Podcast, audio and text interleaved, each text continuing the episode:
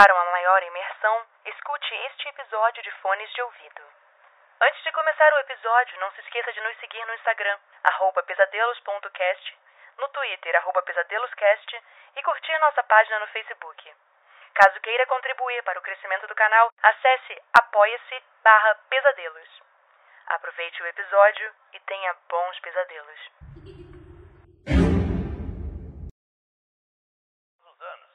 40 mil crianças ou adolescentes desaparecem no Brasil.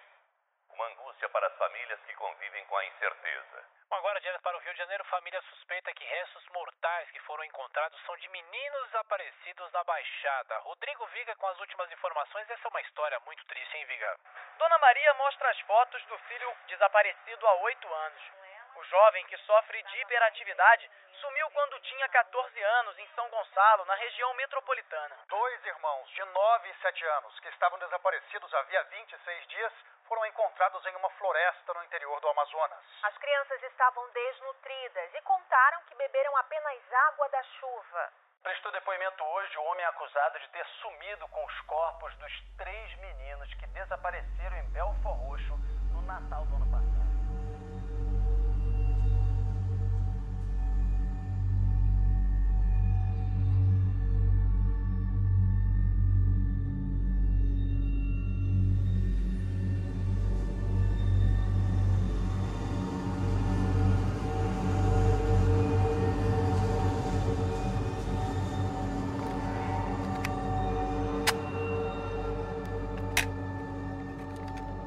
Certo. Você disse então que tinha encontrado a tal seita lá. Você também contou que, quando era criança, fazia parte de um orfanato. Um orfanato onde as freiras que deveriam cuidar de vocês matavam vocês e vendiam. Existe alguma relação ou é só uma coincidência? Não existem coincidências. Estava tudo ligado. Foi desse momento em diante que eu comecei a enxergar a ponta do iceberg.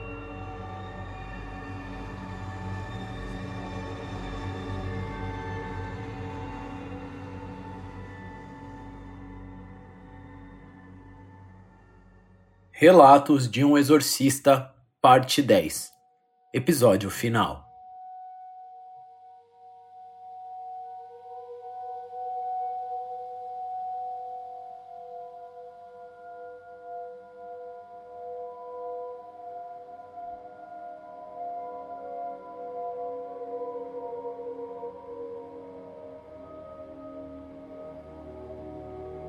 Era 1999, ou início dos anos 2000. Depois do incidente com a criança, eu não podia mais fazer nada senão investigar sobre o adenocromo. E foi um erro. Eu gastei todo o meu dinheiro nessa caçada. E fui despejado. Tive que arrumar um lugar precário. Era o fundo de uma oficina mecânica de um amigo. Dormir era possível até às seis da manhã. Depois disso acontecia um verdadeiro coral de parafusadeira, chave, martelo e todo tipo de quinquilharia mecânica que você pode imaginar. Mas era o que eu tinha. Mesmo tendo virado uma criatura noturna, era o que eu conseguia pagar. E eu não parei. Mesmo com aquela vida miserável, eu fui até o fim para encontrar o adenocromo. Bibliotecas, registro policial, empresários, cobrei todos os favores que me deviam e tudo que encontrei foi uma relação entre o desaparecimento de crianças e religiões de matrizes africanas. Uma baboseira sem fim de gente preconceituosa. Então, mais uma vez eu fui obrigado a usar meus artifícios. Eu precisava perguntar para quem entendia, perguntar para quem o tempo não afeta. Eu precisava saber. E conhecimento místico é muito valioso, mais valioso que diamante. E eu teria que barganhar. Mas dessa vez precisava ser alguma coisa maior, algo grande. Alguém que pudesse me trazer uma luz. Por que não um anjo? Eu sabia que havia acontecido com meu amigo quando ele invocou um. Ele perdeu o movimento das pernas. Ele ofereceu uma galinha, foi pouco. Os anjos são seres de pura energia, então eu pensei em um bode, uma cabra, um animal grande.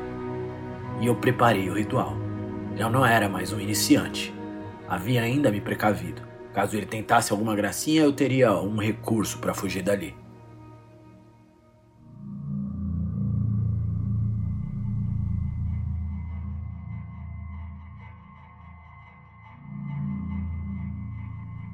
Era uma da manhã. Eu lembro até hoje. Eu comecei o ritual, fiz todos os círculos e pinturas necessários no chão. Faltava apenas recitar. E eu iniciei.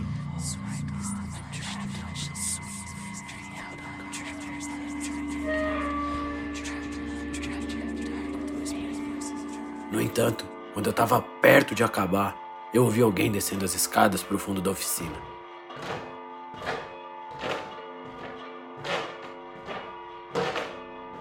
Ia ser no mínimo estranho ver um bode morto, tigelas de sangue, círculos no chão.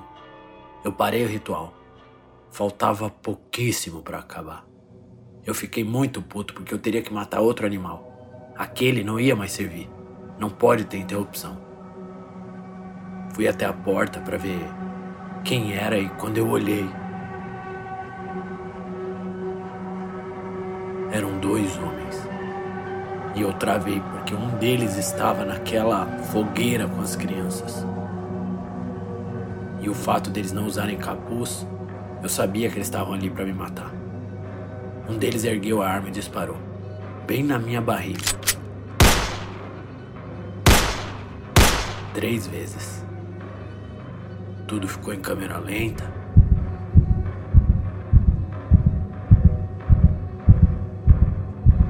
Dei três passos para trás, cambaleei e caí. Um deles se aproximou de mim e disse: E aí, exorcista? Quais são suas últimas palavras?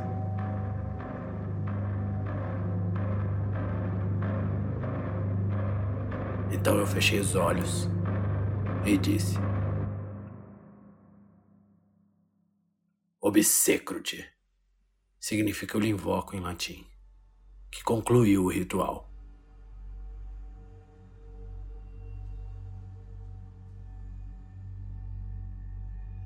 O único problema é que agora eu era o sacrifício. Eu estava caído ali bem no meio do círculo. A última coisa que me lembro foram as portas batendo e as armas ficando quase incandescentes nas mãos daqueles dois, forçando-os a largarem. Antes de desmaiar, eu vi duas asas. Não eram brancas, eram meio marrons. Era para eu ter morrido, mas não aconteceu. O anjo não levou minha alma, ele se prendeu à minha.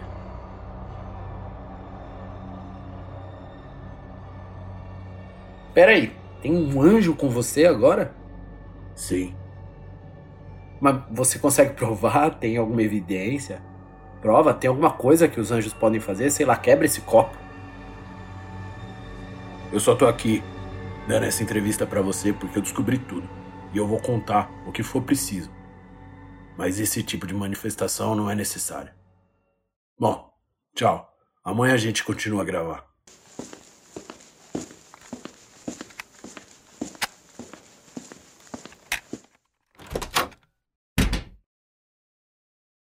Merda. Será que essa maluquice é real mesmo, cara? Não é possível.